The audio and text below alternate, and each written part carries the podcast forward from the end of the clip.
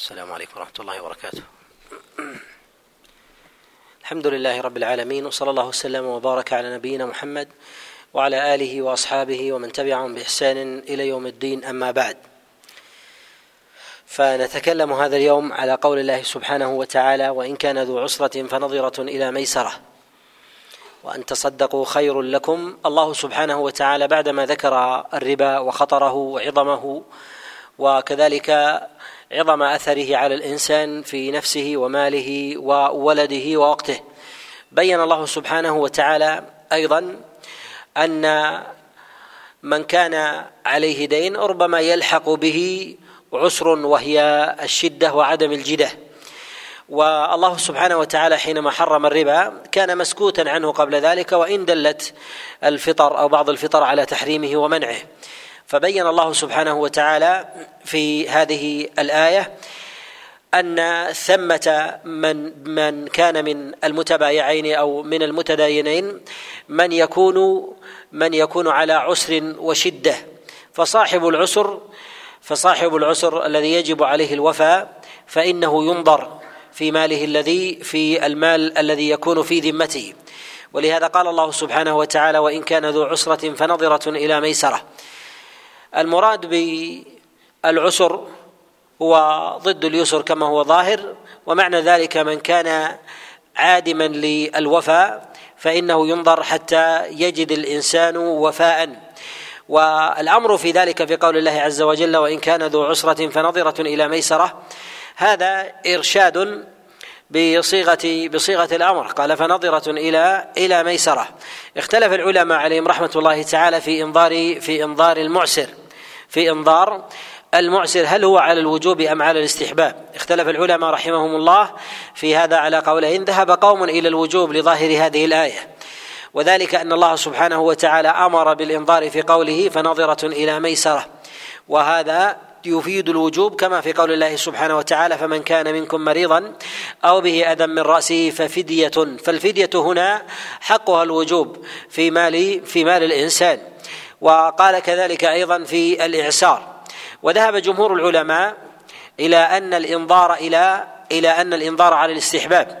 وذلك أن المال حق لصاحب الدين حق لصاحب الدين. وإنظاره في ذلك لا يعني اضرارا لا يعني إضرارا بمن عليه دين فإنه إذا ثبت إعساره يقينا فإنه لا يجوز للقاضي أن يحبس أن يحبس المعسر.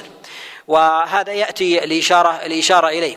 وظاهر ذلك أن الله سبحانه وتعالى أرشد أصحاب الأموال إلى أن ينظروا إلى أن ينظروا من عليهم دين إذا كانوا إذا كانوا معسرين. وهذا لما كان الناس يتبايعون بالربا وكانت رؤوس الأموال معلقة عند الناس أرشد الله سبحانه وتعالى أولئك إلى إلى الإنظار. ويدل على أن الإنظار على الاستحباب لا على الوجوب أن النصوص الواردة عن رسول الله صلى الله عليه وسلم تدل على الترغيب لا لرفع لا لرفع الإثم والحرج. ومن ذلك ما جاء عن رسول الله صلى الله عليه وسلم من حديث عبد الله بن مسعود كما رواه ابن ماجه وغيره أن رسول الله صلى الله عليه وسلم قال من أقرض مسلما مرة فمن أقرض مسلما مرتين فكأنما تصدق مرة. وهذا اختلف العلماء رحمهم الله في رفع هذا الحديث ووقفه. مع القول بصحته موقوفا. ذهب جماعة من الأئمة كالدار قطني والبيهقي إلى أن الحديث إلى أن الحديث موقوف. وفي هذا إلى أن الإقراض من جهة الإنسان إذا أقرض أحدا فيه حب لليسار وكذلك أيضا عدم المشقة عليه. فبدلا من أن يقرضه مرة يقرضه كذلك أيضا مرتين. ففي هذا نوع من الإنظار والزيادة. وكذلك أيضا أن النبي صلى الله عليه وسلم يقول كما روى الإمام أحمد في كتابه المسند من حديث سليمان بن بريدة عن أبيه أن رسول الله صلى الله عليه وسلم قال من أنظر معسرا فله بكل يوم حسنة.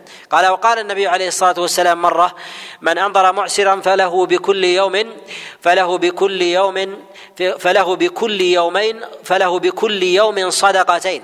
قال فقلت يا رسول الله إنك قلت مرة له بكل يوم صدقة وقلت مرة بكل يوم بكل يوم صدقتين. فقال النبي صلى الله عليه وسلم ما لم يبلغ الأجل ما لم يبلغ الأجل فله بكل يوم صدقة وإذا بلغ الأجل فله فله عن كل يوم صدقتين وإسناده صحيح. هذا ترغيب بإنظار بإنظار المعسر. ولو كان آثما صاحب الدين بأنه لا ينظر المعسر لكان الدلالة والإرشاد في ذلك إلى الإرشاد في ذلك إلى رفع الحرج والإثم عن نفسه.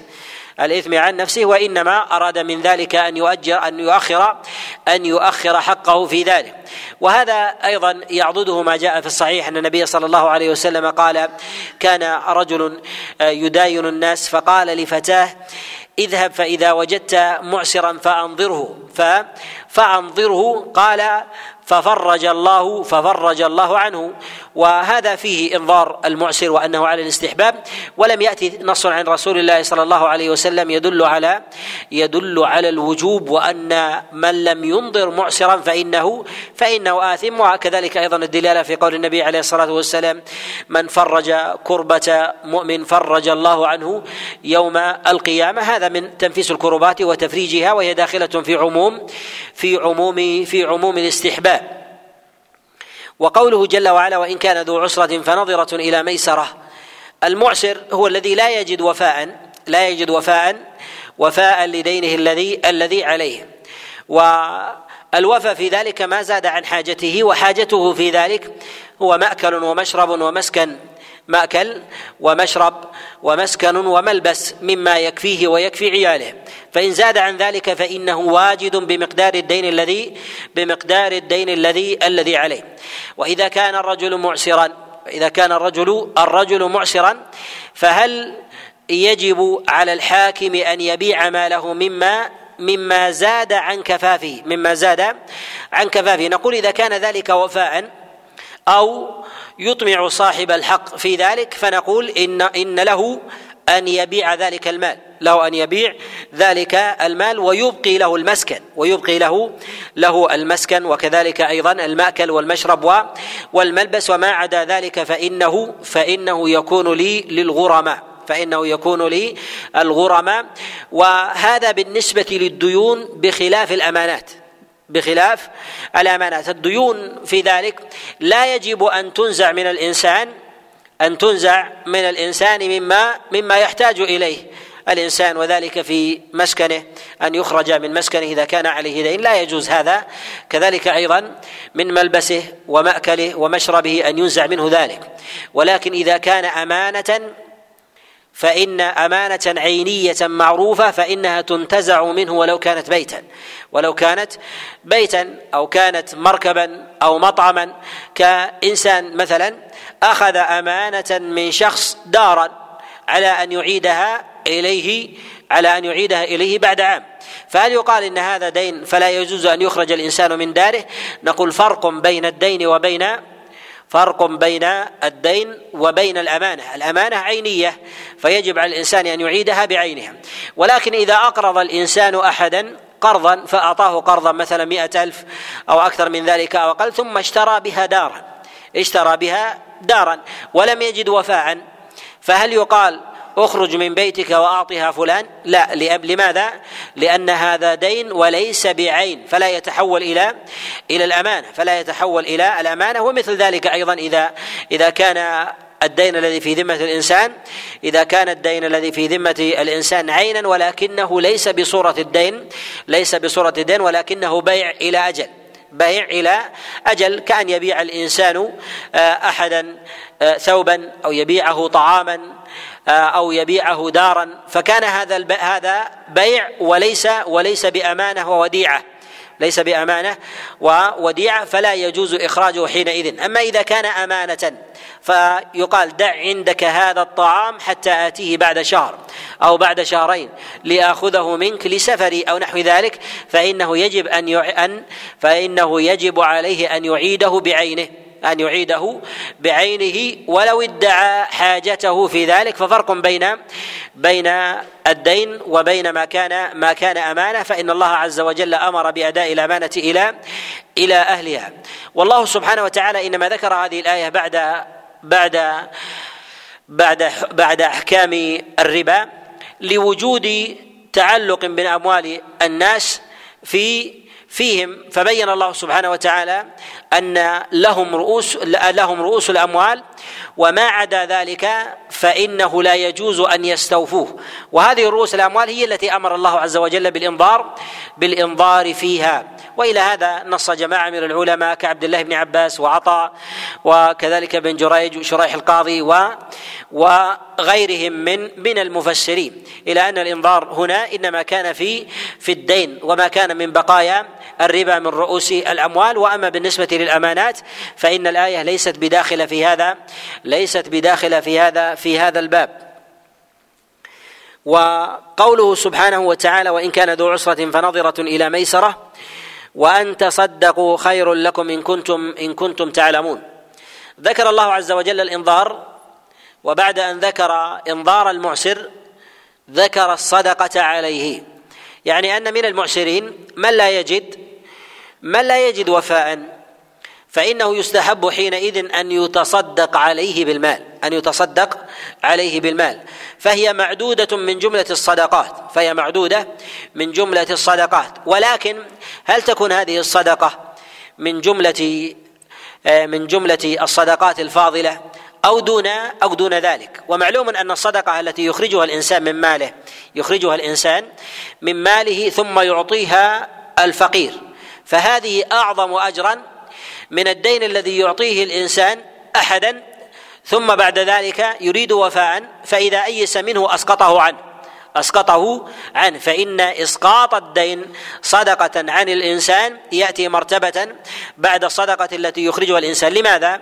لأن الصدقة التي يخرجها الإنسان لا يرجو لها وفاء. لا يرجو لها وفاء. ثم أيضا لا تظهر فيها المنة. لا تظهر فيها المنة وهي أظهر أيضا بكسر شح النفوس بكسر شح النفوس بخلاف الدين الذي يدفعه الإنسان لغيره ثم يقوم الإنسان بإسقاطه. ولهذا نقول إن الشارع إنما ذكر الإنظار ثم ذكر الصدقة بعد ذلك ولم يقدم الصدقة على الإنظار لأن النفوس مجبولة على حب حقها على حب حقها. فذكر الله سبحانه وتعالى الإنظار ثم بعد ذلك الصدقة. ثم بعد ذلك الصدقة حفظا لحق صاحب المال وإذا بان للإنسان وإذا بان الإنسان أن فلانا عاجز عن الوفاء فأنظره مرارا ولم يفي وسبر حاله وكان عاجزا فإنه يستحب في حقه أن أن يتصدق أن يتصدق عليه أن يتصدق عليه. وهنا مسألة وهي مسألة إسقاط الدين إسقاط الدين عن الفقير. هل يجزئ عن الزكاة أم لا؟ يعني أن الإنسان لديه نصاب زكاة وهو وهو غني وصاحب يسار ووجب في ماله الزكاة. ثم قال إن لي دين عند فلان ومقداره كذا. فهل له أن يسقط الدين الذي في حقه عند فلان؟ من نصاب زكاته التي تحول عليه أم لا؟ نقول هذه المسألة محل خلاف عند العلماء على ثلاثة أقوال. جمهور العلماء على أن ذلك لا يجزئ بل هو قول عامتهم. وحكى بعضهم عدم معرفة النزاع في هذا في هذا الباب كما نص عليه جماعة من الأئمة عليهم رحمة الله كابن تيمية وغيره. ونص الإمام أحمد رحمه الله وأبو حنيفة وكذلك أيضا جاء عن جماعة من الفقهاء من الشافعية إلى أن إلى أن إبراء ذمة الفقير من الدين الذي الذي عليه أن هذا لا يكون من الزكاة أن هذا لا يكون لا يكون من من الزكاة. وهذا القول هو الذي عليه عامة الفقهاء من السلف وكذلك أيضا الخلف وهذا هو الأظهر بالصواب. وثمة قول جاء عن عطاء. ثمة قول جاء عن عطاء إلى أن هذا يجزئ عن الزكاة.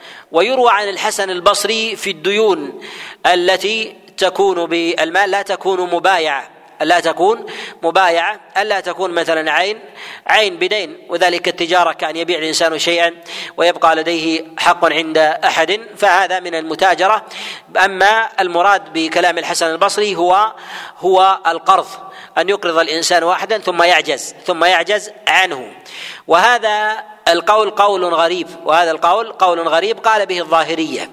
القول الثالث قالوا إن الأصل عدم الجواز ولكنه يستثنى في حالة وهي أن الإنسان إذا كان إذا كان يطلب أحدا مالا ثم أسقط زكاة المال الذي عنده زكاة المال الذي عنده من المال الذي على الفقير. فهو لم يسقط المال نصاب الزكاة التي عنده في ماله وإنما أسقط نصاب الزكاة الذي الذي عند الفقير. وهذا مثاله أن يكون الإنسان مثلا لديه مبلغ من المال كان ليكون لديه مئة ألف وقد أدان شخصا فقيرا عشرة آلاف وحال عليه الحول ولم يستطع حينئذ الوفاء. فيقول إن إسقاطه لما عنده من نصاب الزكاة الذي لديه وهي التسعين أن هذا لا يجزي أما إسقاطه نصاب الزكاة من العشرة التي أقرضها وهي ربع العشر فهذا جائز وهذا ذهب إليه ابن تيمية رحمه الله وهو رواية عن الإمام أحمد. قال وذلك لأن إخراج إسقاط الإنسان وإبراءه لذمة لذمة الرجل المدين أنه أخرج زكاة ماله من جنس ماله. من جنس ماله فهو أخرج زكاة الدين من الدين من الدين وهذا قول له له وجاهته أما ما عدا ذلك فلا يجزئ أما ما عدا ذلك فلا يجزئ فلا يقول الإنسان إني أنا لي الآن وجبت علي الزكاة وقيمة الزكاة عندي مثلا ألف أو ألفين وأطلب فلانا كذا فأقوم بإبراء ذمتي هذا ليس بصحيح لماذا؟ لماذا ليس بصحيح؟ نقول أولا أن الله سبحانه وتعالى في هذه الآية ذكر الإنظار في قوله جل وعلا وإن كان ذو عسرة فناظرة إلى ميسرة. وأن تصدقوا خير لكم. الله جل وعلا ذكر الإنظار وحث عليه. وثم ذكر الله سبحانه وتعالى بعد ذلك الصدقة. وما أمر بإبراء وما أمر بإبراء الذمة وإنما أمر بالتصدق عليه. ولو كان أمر الزكاة يسقط عن الإنسان يسقط عن الإنسان آه، الدين لحث الشارع عليه. لحث الشارع عليه. وذلك لأنه ماذا؟ أولى من الصدقة أولى من الصدقة. ثم أيضا أن الله جل وعلا قد جعل الزكاة على صفة معلومة تخرج أو تؤخذ من مال الإنسان ثم توضع في الفقير ثم توضع في الفقير. وهذا ظاهر في قول الله جل وعلا خذ من أموالهم صدقة. وكذلك في حديث عبد الله بن عباس لما بعث النبي عليه الصلاة والسلام معاذا إلى اليمن قال عليه الصلاة والسلام إنك تأتي قوما أهل كتاب فأخبرهم أن الله قد افترض عليهم صدقة في أموالهم في أغنيائهم تؤخذ فترد في فقرائهم فترد في في فقرائهم. اذا تؤخذ على أنها زكاة وتعطى على أنها زكاة للفقير. وأما بالنسبة للدين فأخذ من مال الغني على أنه زكاة أو دين. أخذ على أنه دين ثم أعطي الفقير ثم أعطي الفقير. فلما أيس منه الغني أسقطه. ولهذا نقول إن الله سبحانه وتعالى إنما جعل الزكاة تخرج ابتداء وتؤخذ طهرة للإنسان صدقة تطهرهم وتزكيهم بها وصل عليهم أي أن المراد من ذلك هو الإخراج وتطهيرا لنفوسهم من ماذا؟ من الشح. أما بالنسبة للدين إذا أخرجه الإنسان أخرجه وهو يرجوه وهو يرجو عودته والزكاة إذا أخرجها الإنسان أخرجها بطيب نفسه امتثالا لأمر الله من غير أن يرجو من غير أن يرجو من الناس عودا في ذلك ولا يظهر في الزكاة منه بخلاف الدين.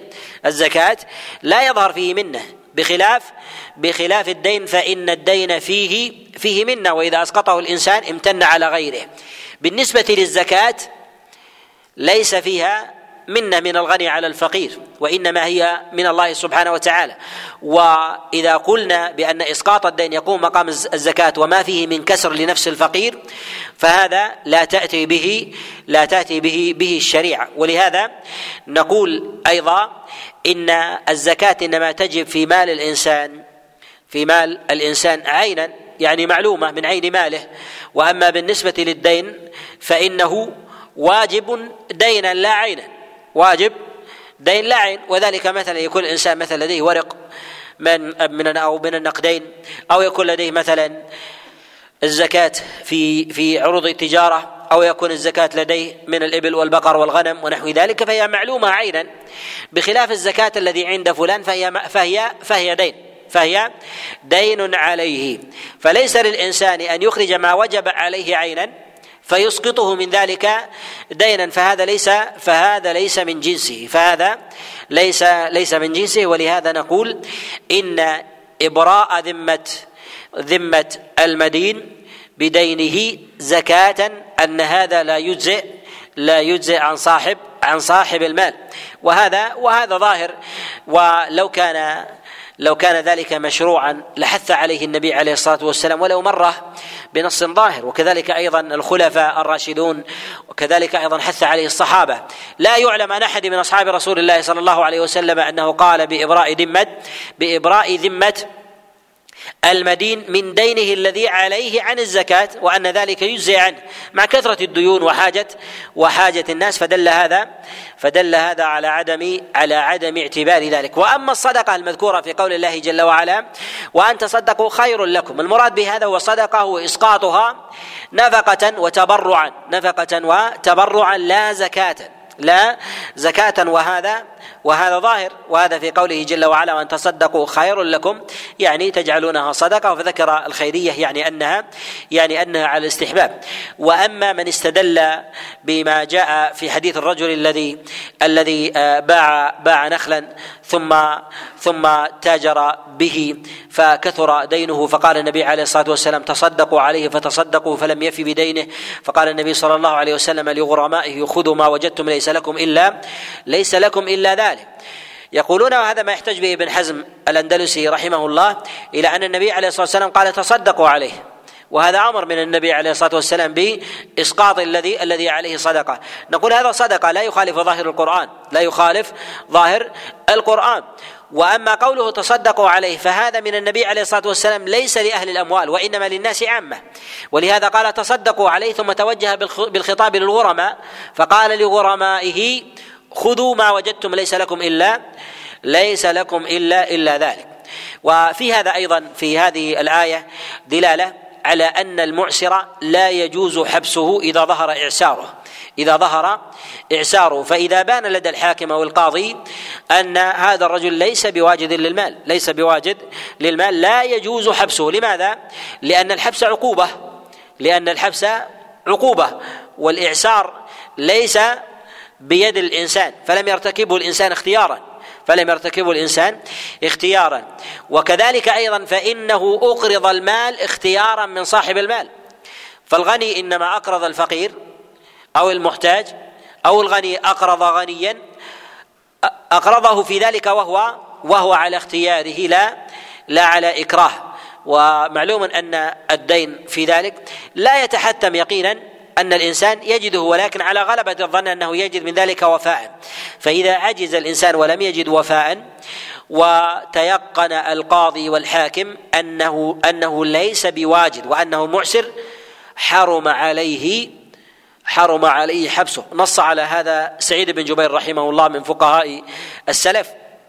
وذهب إلى هذا جماعة وهو ظاهر وهو ظاهر هذه الآية وهو ظاهر هذه الآية. ولكن إذا غلب على ظن القاضي أنه واجد أو أراد أن يستظهر من حاله لصعوبة سبر أحوال الناس. نقول لا حرج عليه أن يحبسه استظهارا لحاله ما لم يتبين إعساره ما لم يتبين إعساره. كأن يدعي احد إن أن لديه مال وهو يخفيه أو نحو ذلك أو لم يعلم حاله ولم تكن بينه في ذلك فظهر عنده أنه واجد فلا حرج عليه أن يحبسه استظهارا. استظهارا لحاله وهذا قد نص عليه الأئمة الأربعة عليهم رحمة الله كأبي حنيفة ومالك والشافعي والإمام أحمد إلى أنه يحبس استظهارا وإذا قلنا بحبسه استظهارا فإنه لا حرج عليه أن يحبسه إذا كان واجدا وماطل. والدليل على ذلك أن النبي عليه الصلاة والسلام يقول مطل الغني ظلم يحل عرضه وعقوبته. يعني إذا كان واجدا وهو غني ثم أخذ يماطل في الدين فإنه يقال فإنه يعاقب لهذا قال يحل عرضه وعقوبته يحل عرضه بالوقوعة فيه بالوقوع فيه بأن يتشكل إنسان فيقال فلان أخذ مالي ولم آه ولم يعطني إياه فيتشكل لدى الناس حتى يعطيه حقه. وقوله وعقوبته يعني بالحبس. وعقوبته يعني بالحبس وقد حبس جماعة من الأئمة كشريح القاضي وغيره في في الدين. ولكن نقول هذا لا يكون إلا في حالين الحالة الأولى في حال غناه ومطله. الحالة الثانية في حال الجهالة بحاله مع عدم اليقين بإعساره فيحبسه استظهارا. فيحبسه استظهارا وذلك أن بعض الناس يأخذ المال ولا يعيدها لأصحابها إما عبثا أو بخلا. فإذا حبس أعاد المال إلى أعاد المال إلى إلى أصحابه. وفي قوله جل وعلا وأن تصدقوا خير لكم إن كنتم إن كنتم تعلمون يعني ما عند الله سبحانه وتعالى من ثواب لمنظر لمنظر المعسر وما جعل الله عز وجل له من حسن من حسن عاقبة. والآية الثانية في هذا في قول الله سبحانه وتعالى يا أيها الذين آمنوا إذا تداينتم بدين إلى أجل مسمى. هذه الآية هي أطول آية في كتاب الله سبحانه وتعالى وتسمى بآية الدين أو آية المداينة. والمداينة هي ك المبايعة والمقاتلة وهي من المفاعلة يعني ما كان من طرفين من فردين أو من جماعتين وذلك بالتبايع أو أو بالقراض والتداين. والله سبحانه وتعالى لما ذكر أحوال الربا وما يكون آه، من أسبابها ومحق بركتها وعقوبة فاعلها. ثم ذكر الله عز وجل حلا للمعلق من أمور من أمور الربا بين الله عز وجل إنظار المعسر وكذلك الصدقة عليه. بين الله سبحانه وتعالى ما هي الطريقة المشروعة في أخذ الأموال. ما هي الطريقة المشروعة في أخذ الأموال التي تكون بين بين الناس. فبين الله سبحانه وتعالى أمر التداين. أمر التداين ومعلوم أن التبايع الذي يكون بين الناس على أربعة أنواع. النوع الأول هو بيع عين بعين بيع عين عين بعين وهذا هو ما يسمى بالبيع وليس هو المراد هنا عندنا وليس هو المراد هنا عندنا. النوع الثاني هو بيع الدين الدين بالدين وبيع الكالي بالكالي وهو منهي وهو منهي عنه. الثالث هو بيع العين بالدين والرابع بيع الدين بالعين. الثالث أن يبيع الإنسان عينا بدين يعني أن يبيع الإنسان سلعة إلى أجل ويقول يقول تسدني هذا إلى إلى الحول فيبيع عليه ارضا أو يبيع عليه ثمرا أو يبيع عليه شيئا آه، من متاعه. فهذا بيع لعين لعين بدين. أما الرابعة هو أن يبيع الدين بالعين وهو السلم ويسمى عند العلماء السلم. والسلم هو أن يعجل الإنسان الثمن ويؤخر المثمن. والسلم أو السلف عند السلف عليهم رحمة الله تعالى المراد بذلك هو أن يعجل الإنسان ثمن ثمن الشيء الذي يريد أن يشتريه أن يشتريه منه. والسلف عند عند الفقهاء من من السالفين يختلف عند يختلف عن السلف في الأزمنة المتأخرة، السلف في الأزمنة المتأخرة المراد بذلك هو الدين وهو القرض وهو القرض، أما عندهم فالمراد بذلك هو بيع الدين بيع آه، الدين بالعين. أن الإنسان يعطي مالا يقول هذه عشرة آلاف أو هذه مئة ألف على أن تعطيني آه، أن تعطيني عشرة أوسق من التمر بعد حول. بعد حول فيكون بوزن معلوم وكيل معلوم إلى أجل إلى أجل معلوم. ولهذا الله سبحانه وتعالى يقول يا أيها الذين آمنوا إذا تداينتم بدين إلى أجل مسمى. إلى أجل مسمى. هذه الآية نزلت في بيان الصورة المشروعة في المداينة في بيان الصورة المشروعة في المداينة وهي جاءت ببيان حل السلم. والسلم مباح باتفاق العلماء. باتفاق العلماء ولا خلاف على ذلك وقد نص على على جوازه ومشروعيته جماعة من العلماء كابن المنذر وابن رشد وابن قدامة وغيرهم من الأئمة. والسلم فيه مندوحة ومخرج آه، عن الربا. ولهذا يقول عبد الله بن عباس عليه رضوان الله تعالى قال أشهد أن السلف المضمون أحله الله في كتابه. ثم تلا قول الله جل وعلا يا أيها الذين آمنوا إذا تداينتم بدين إلى أجل مسمى فاكتبوا فبين الله سبحانه وتعالى أن المداين التي تكون بين الناس المشروعة والحقوق التي التي تتداول بينهم أنها تكون على هذه على هذه هذه الصورة. ويجب أن يكون ذلك إلى أجل معلوم. يجب أن يكون ذلك إلى إلى أجل معلوم. وهذا ظاهر في قول الله سبحانه وتعالى إلى أجل مسمى. النبي صلى الله عليه وسلم يقول إذا أسلفتم إذا من أسلف من أسلف فليسلف في كيل معلوم ووزن معلوم إلى أجل معلوم. كيل معلوم ووزن معلوم إلى أجل إلى أجل معلوم. لهذا نقول فإنه يجب في السلف والسلم أن يقبض الإنسان الثمن وأن يكون ذلك إلى أجل معلوم بستة أشهر أو إلى سنة أو نحو ذلك وأن يكون ذلك بكيل معلوم يعني بمعرفة الوزن فيقول بخمسة أوسق أو مثلا بمئة كيلو أو غير ذلك بميزان معلوم بكيل معلوم ووزن معلوم إلى أجل إلى أجل معلوم. هذا إذا عجل الإنسان الثمن وأخر المثمن ما الفرق بينه وبين بيع ما لا يملك الإنسان؟ النبي صلى الله عليه وسلم يقول لحكيم بن حزام قال لا تبع ما لا ما لا تملك. ما الفرق بين السلم وبين بيع الإنسان ما لا يملك؟ نقول بيع الإنسان ما لا يملك المراد أن يبيع الإنسان عينا معلومة.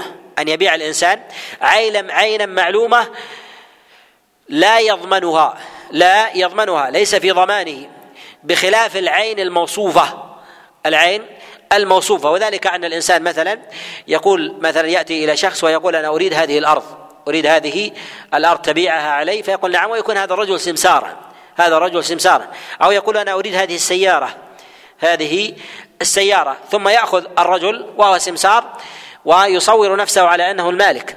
هذا باع ما لا يملك وليس بالسلم وليس بالسلم وأما بالنسبة للسلم أن يقول الإنسان خذ هذا المال وأوفني في نهاية الحول طعاما بمقدار كذا ليس معين.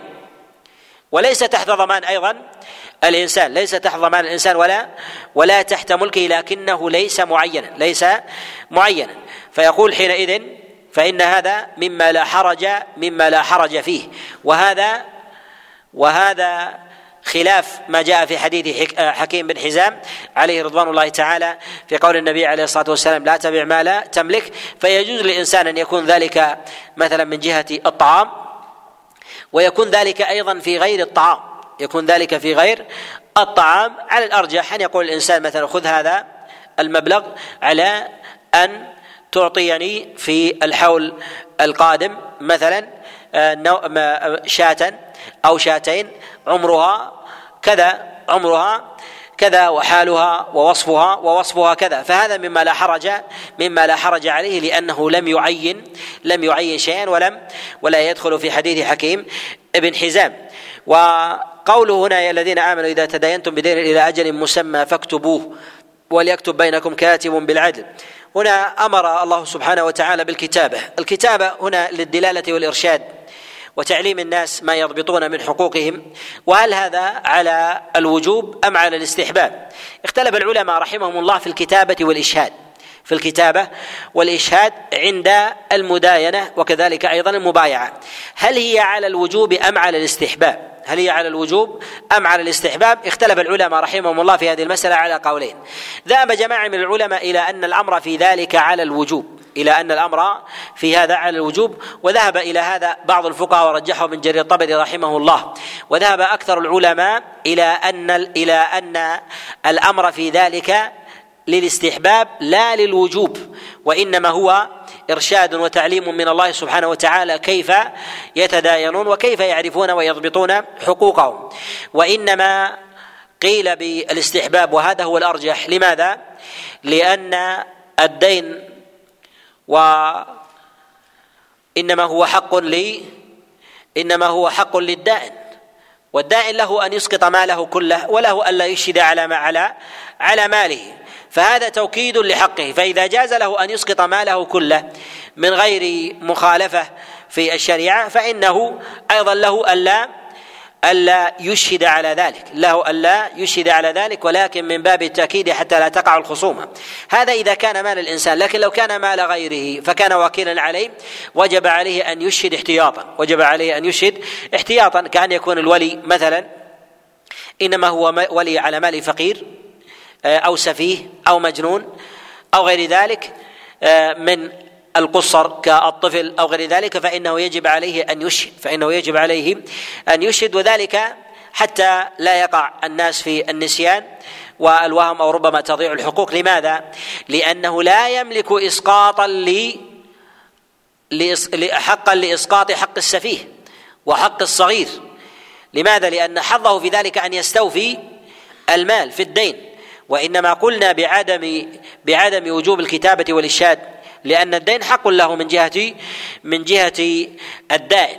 أما بالنسبة للمدين فإن المدين في ذلك مرده إلى الوفاء والوفاء في ذلك إذا طلب منه إذا طلب منه. وإذا أبرأه صاحب الدين سقط عنه سقط عنه ذلك. وهذا هو الأرجح أن الكتابه والاشهاد إنما هي للوجوب. ويظهر في هذا أيضا أن الله سبحانه وتعالى يسر في ذلك في أمر التجارة. التجارة ويأتي الكلام عليه بإذن الله بإذن الله تعالى. والإشهاد أوثق من أوثق من الكتابة. أوثق من الكتابة. وذلك أن الكتابة لو نفيت من الشهود ما اعتد بها لأنها قرينة. وإنما تذكر أيضا الكتابة تذكر ولكنها لا تقيم الحجة بذاتها فهي من القرائن التي يأخذ بها الحاكم من القرائن التي يأخذ بها الحاكم. ولكن لو شهد الشهود على خلافها قضي بكلام الشهود على الكتابة قضي بكلام الشهود على على الكتابة لأنه معدن لأنه يطرأ على الكتابة ما يطرأ عليها من الخطأ أو التدليس أو النسيان أو غير ذلك. أو التبديل فيبدل ورقه بورقة أو كتابة بكتابة أو التزييف أو التحريف أو التصحيف. في وغير ذلك مما يطرأ عليها والشهادة في ذلك والشهادة في ذلك في ذلك أوثق. وقوله سبحانه وتعالى وليكتب بينكم كاتب بالعدل ولا يأبى كاتب أن يكتب كما علمه الله. ذكر الله سبحانه وتعالى هنا العدالة في الكاتب كاتب بالعدل. العدالة في في الكتابة شرط من شروط الكتابة في في العقود وهذا محل اتفاق عند العلماء لكنهم اختلفوا في شرط في شرط العدالة وحقيقته. منهم ما من حمل العدالة في ذلك هو على اشتهار أمر الإنسان بالخير في امتثال أمر الله واجتناب نواهيه وهذا ما يظهر من من كلام من كلام جمهور العلماء. ومنهم من يقول إن المراد بالعدالة المراد بالعدالة هي ظهور حال الإنسان على الستر ولو لم يعلم تفاصيل حاله. فإذا كان مستورا فإن هذا هو أصل العدالة. ما لم يطرأ خلاف ذلك ولو لم يعلم امتثاله. وهذا ما يذهب إليه أبو حنيفة رحمه الله وقد خالفه أصحابه في هذا محمد بن حسن وأبو يوسف. فقال لا بد من معرفة من معرفة امتثاله وأمره وأن يشتهر وأن يشتهر ذلك بالعدالة. وهذا ما يطلبه ويعمل به بعض آه، الحكام وكذلك القضاة أن يطلبوا مزكين للشهداء للشهود حتى يزكى فتعرف فتعرف في ذلك في ذلك عدالته. وقوله ولا يأبى كاتب أن يكتب كما علمه الله. هنا نهى الله سبحانه وتعالى أن يمتنع الكاتب إذا إذا طلب في إقامة الحق. وذلك أن الناس كانوا في ابتداء الأمر على أمية لا يقرؤون ولا يكتبون.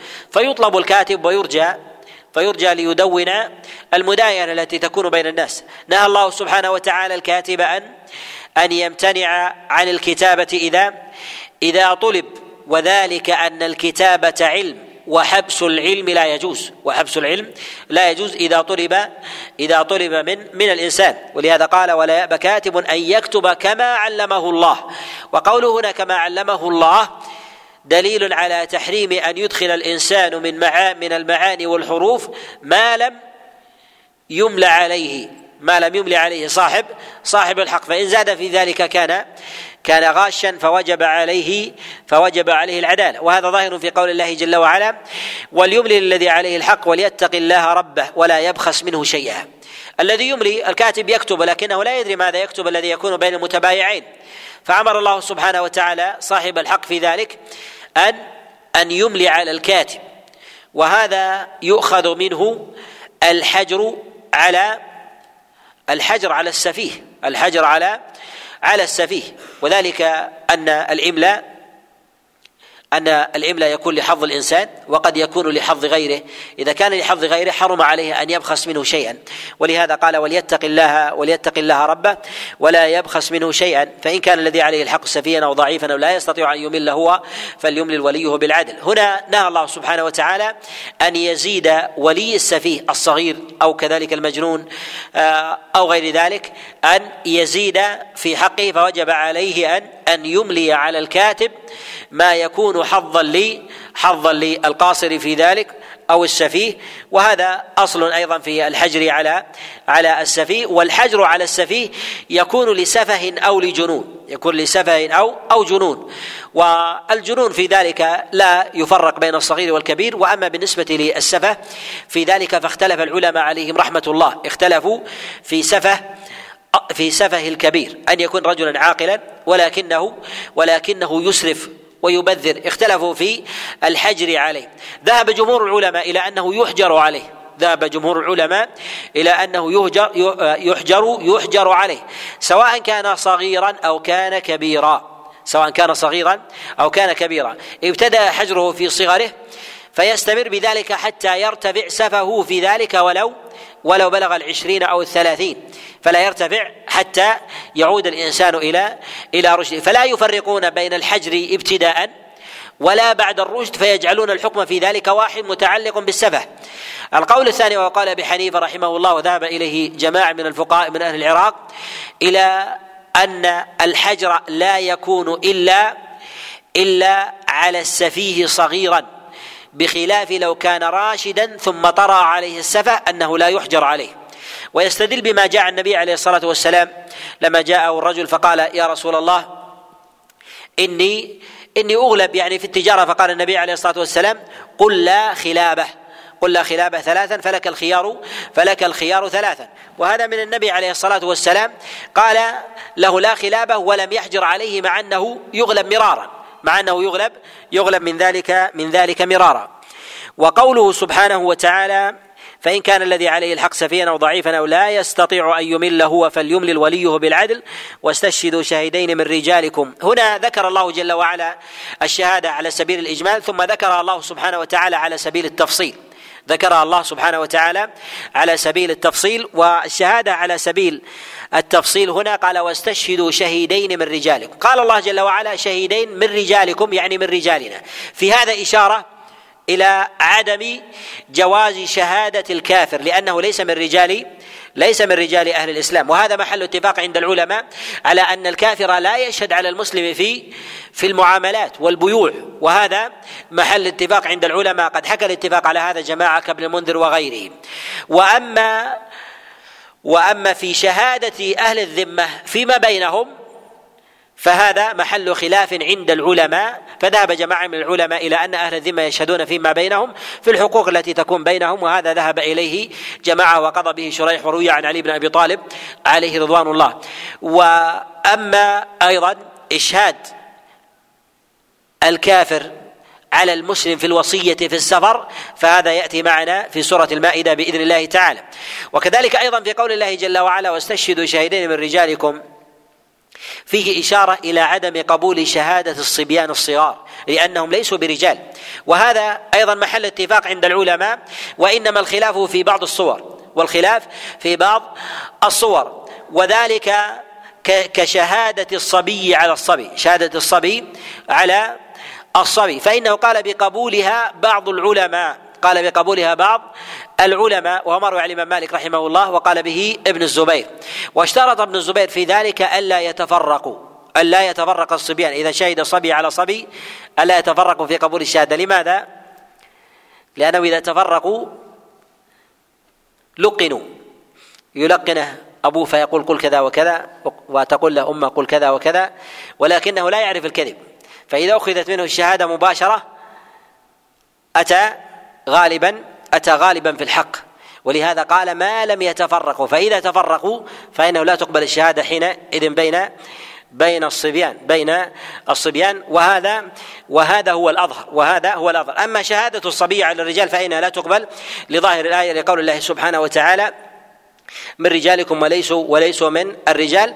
وكذلك أيضا في قوله من رجالكم إشارة إلى استحباب إلى استحباب الإشهاد من المعروف.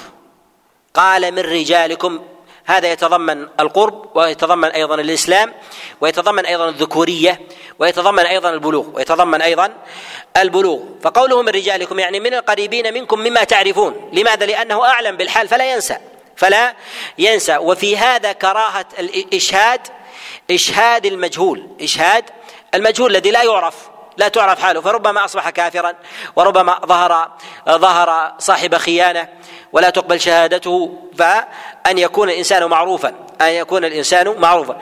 كذلك يظهر في هذه الآية كراهة كراهة إشهاد الغريب يعني عابر السبيل الذي يمضي. لماذا؟ لأنه لا يحفظ به حق لا يحفظ به حق وإن كان من رجال من رجالنا من جهة الإسلام ولكنه ليس من رجال البلد وليس من رجال من رجال السوق. ولهذا أمر الله سبحانه وتعالى أن تكون الشهادة من رجالكم يعني ممن يعرفون الحال.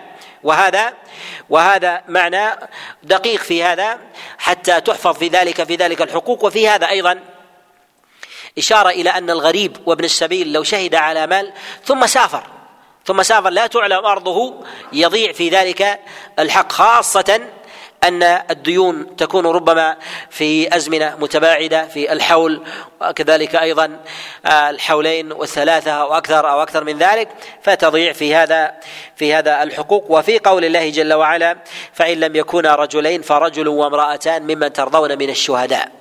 ذكر الله سبحانه وتعالى الشهادة وجوب إشهاد الرجلين وثم ذكر الله عز وجل فإن لم يكونا رجلين. هذا في إشارة إلى أنه لا يجوز إشهاد المرأتين مع الرجل في حال وجود الرجلين في حال وجود الرجلين وأن هذا ليس على التخير وأن هذا ليس على التخير وإنما قال فإن لم يكونا يعني لم يجد الناس لم يجد الناس شاهدين من الرجال فإنه يصار إلى النساء فرجل وامرأتان. وفي هذا أيضا إشارة إلى أنه لا بد من شهادة الرجل ولو واحدا وأن شهادة النساء الأربعة لا تجزئ لا تجزئ في أمور في أمور الأموال لا تجزئ في أمور الأموال. لماذا؟ لماذا؟ لأن الله سبحانه وتعالى اولا ذكر الرجل وجعل شهادة المرأة عن الرجل الثاني.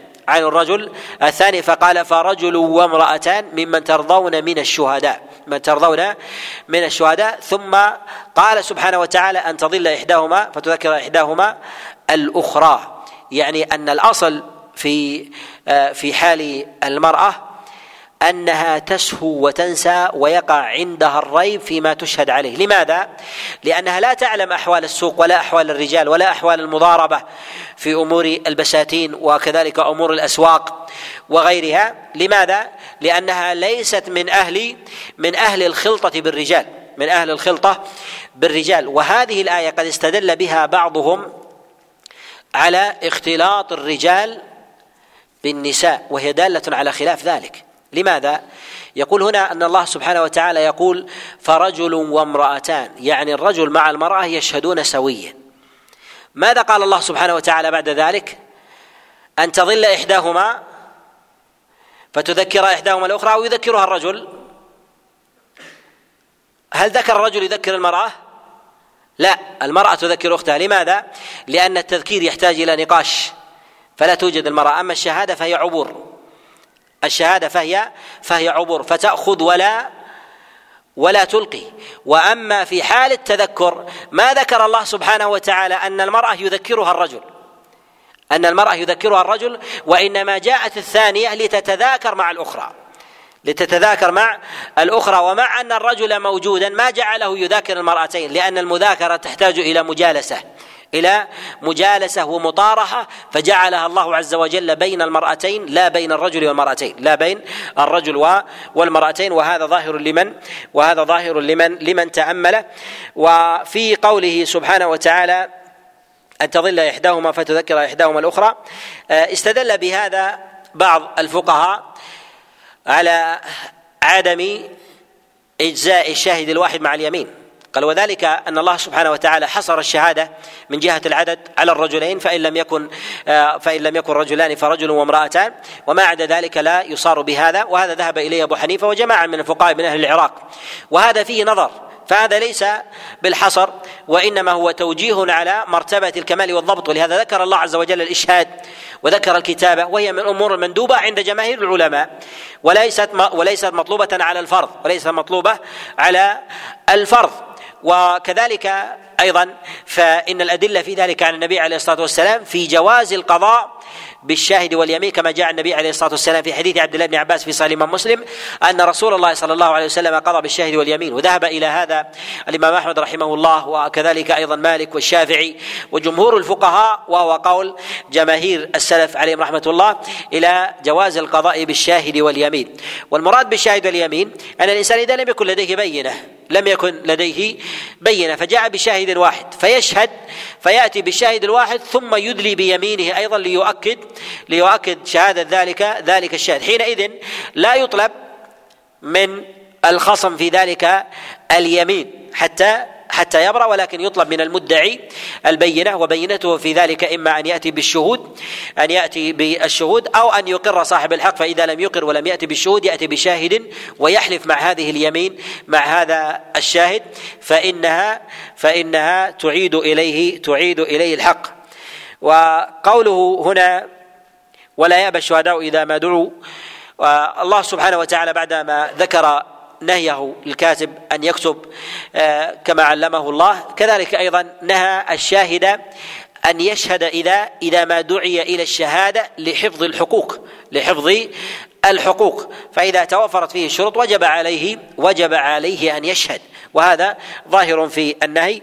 وقوله سبحانه وتعالى ولا يأبى الشهداء إذا ما دعوا فنقول إن الشهادة الأصل فيها عدم الوجوب. ولكن إذا إذا دعي وقام الحق به ولم يقم بغيره فنقول حينئذ بوجوب ذلك حفظا لحقوق الناس ودفعا للنزاع.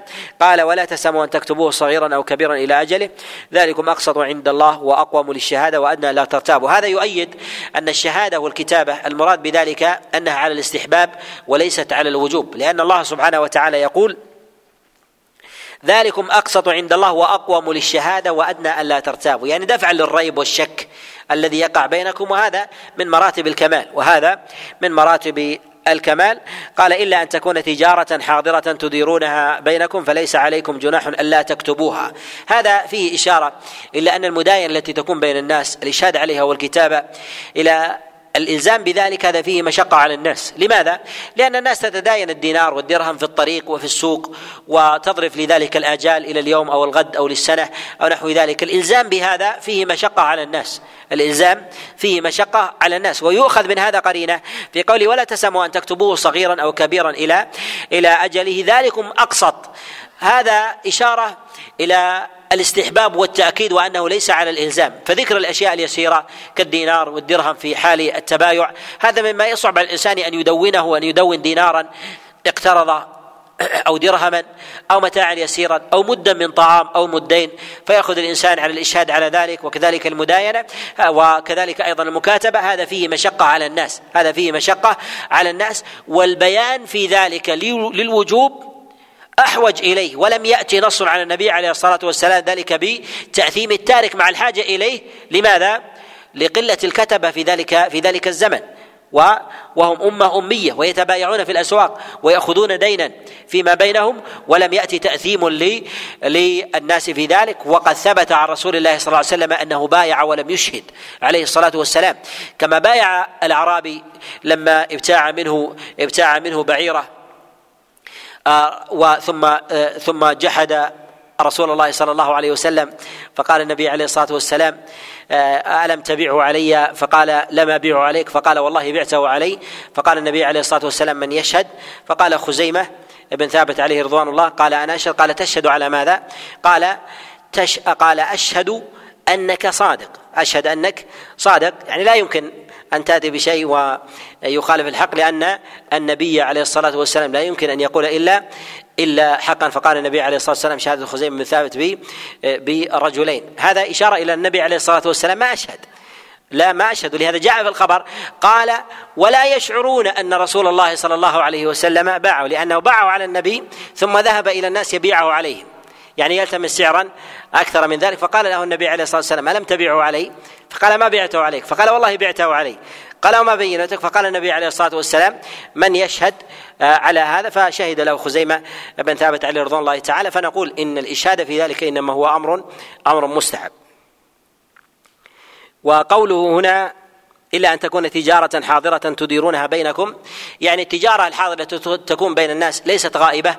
يتداولها الناس فيبيع ويشتري بالطعام في السوق ونحو ذلك أن هذا من الأمور الحاضرة التي خفف في جانب الكتابة فيه في جانب الكتابة فيها لماذا؟ لأنها تدور تدور فيأخذ الدينار والدرهم فيدور المال لديه ربما في اليوم مرات بينه وبين وبين البيع فخفف في ذلك قال تديرونها بينكم فليس عليكم جناح ألا تكتبوا لماذا خفف في هذا؟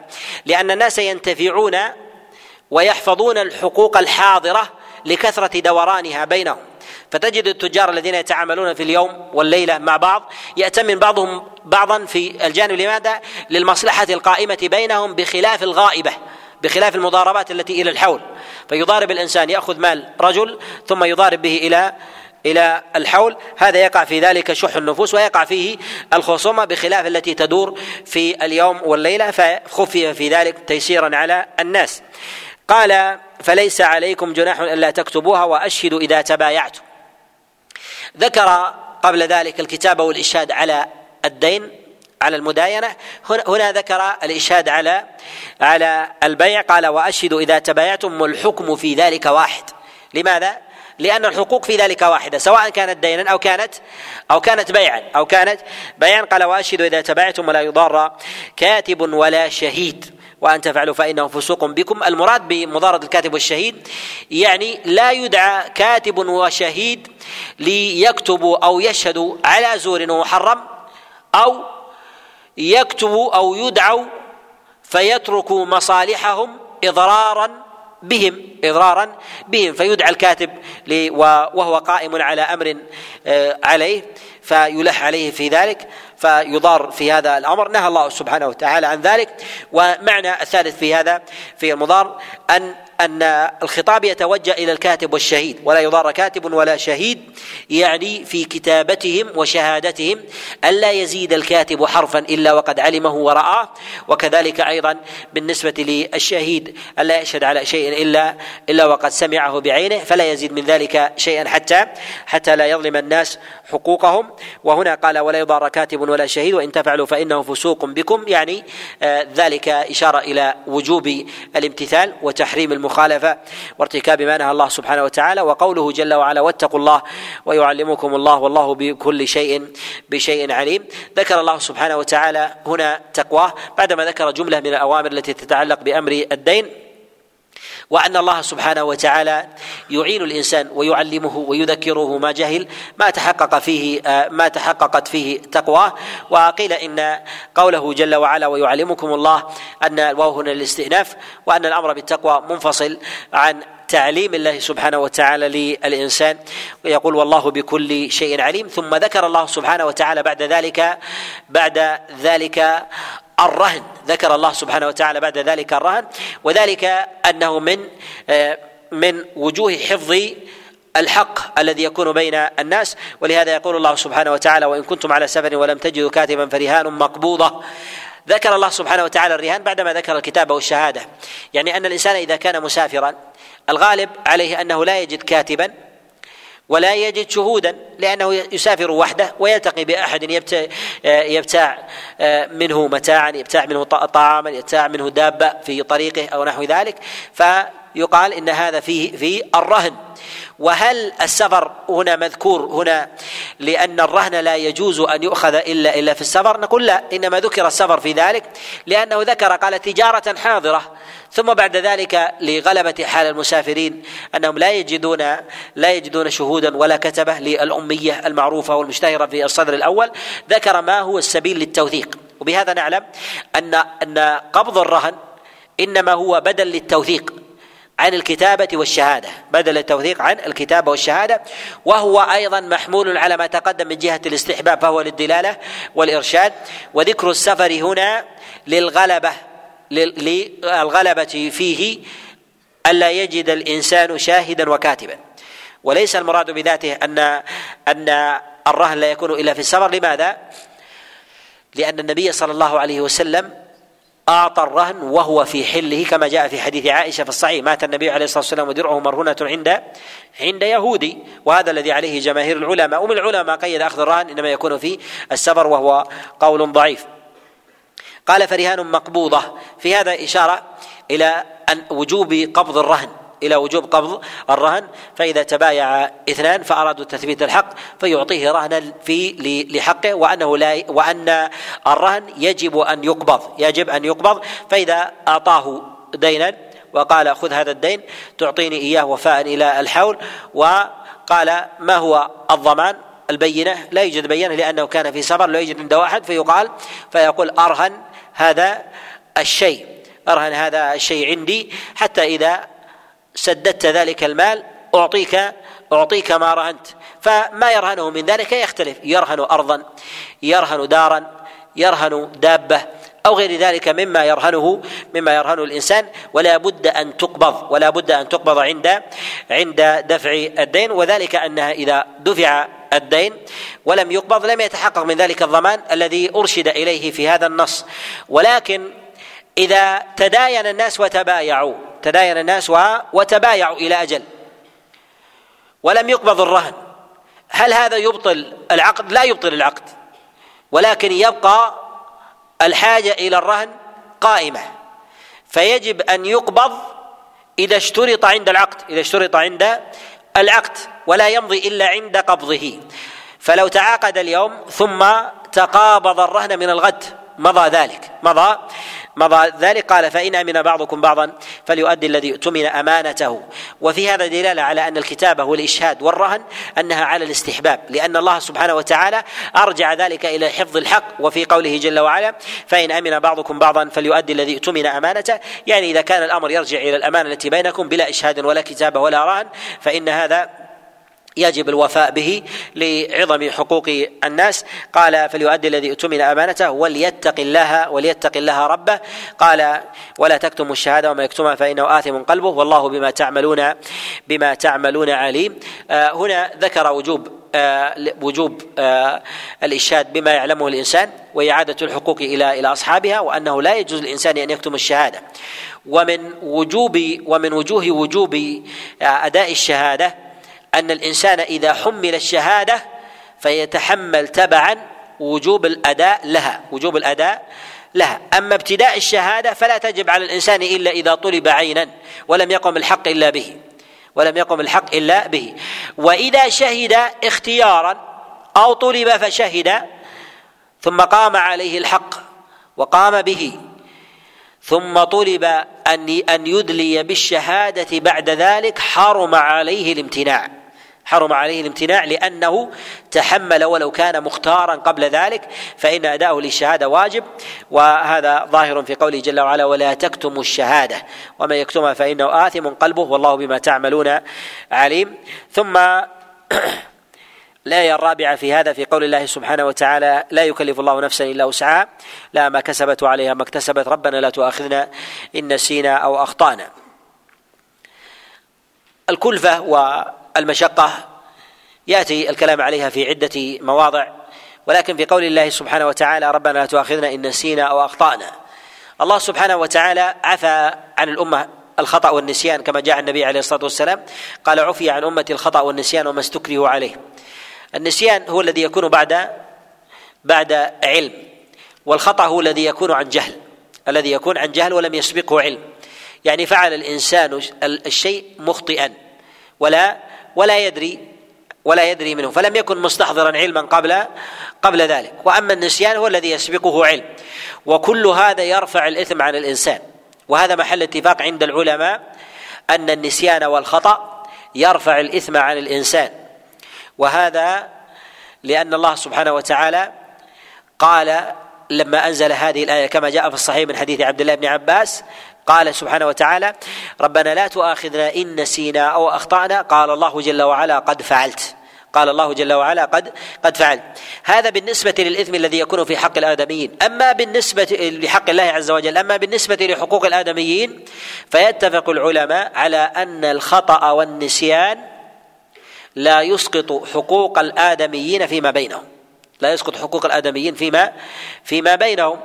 فلو أن إنسانا أتلف مالا ناسيا ناسيا أنه لفلان أو مخطئا فسار في طريقه فاصطدم رجلا أو أهلك حرثه أو غير ذلك. وإن كان ناسيا أو مخطئا إلا أن حق الناس يجب فيه يجب فيه الوفاء. فإذا قتل بالخطأ وجب عليه أن يدفع الدية لكن من جهة الإثم لا يأثم. من جهة الإثم لا يأثم فحقوق الله جل وعلا رفعها عن الناس والمخطئ. ولهذا قال الله جل وعلا ربنا لا تؤاخذنا إن نسينا أو أخطأنا. قال الله قد فعلت. أما حقوق الآدميين فإنه لا بد فيها من الوفاء. فلا يأثم الإنسان إذا قتل مخطئا ولكن يجب عليه الدية. وهذا له صور أيضا هل هو في كل حق لله سبحانه وتعالى؟ يسقط عن الإنسان النسيان والخطأ. نقول يسقط عنه الإثم ولكن لا يسقط عنه الكفارة إذا كان ثمة كفارة. كجزاء الصيد كالمحرم إذا أحرم ثم قتل صيدا. قل لا أعلم أن هذا صيد. نقول وجب عليك وجب عليك أن أن تفدي مثل ما قتلت من النعم. وهذا إنما رفعنا عنه ما كان إثما في الآخرة. أما بالنسبة في أمر الدنيا فإذا كان لا تنضبط الأحكام ولا تنضبط أمور الناس إلا بذلك فيجب في هذا فيجب في هذا الوفاء الوفاء بها وكذلك أيضا في النسيان. وهل النسيان والخطأ يرفع التكليف عن الإنسان مطلقا؟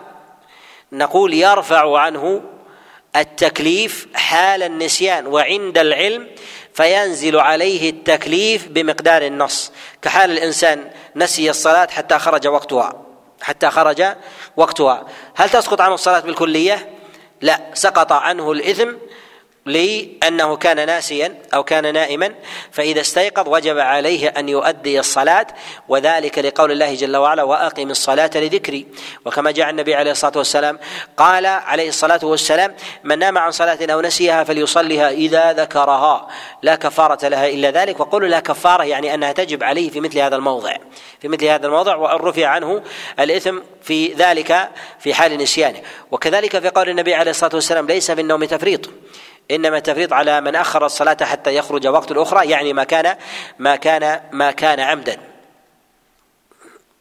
اذا ما كان من حق الله عز وجل فهو معفو وما كان بعد زوال العارض من النسيان والخطأ هل يجب عليه أن يقضي؟ نقول القضاء يحتاج إلى دليل مستقل، يحتاج إلى دليل مستقل والعبادات في ذلك تتباين، العبادات في ذلك في ذلك تتباين، منها ما يقضى ويجب فيه الوفاء والكفارة ومنها ما لا يقضى فمرد ذلك إلى إلى النص.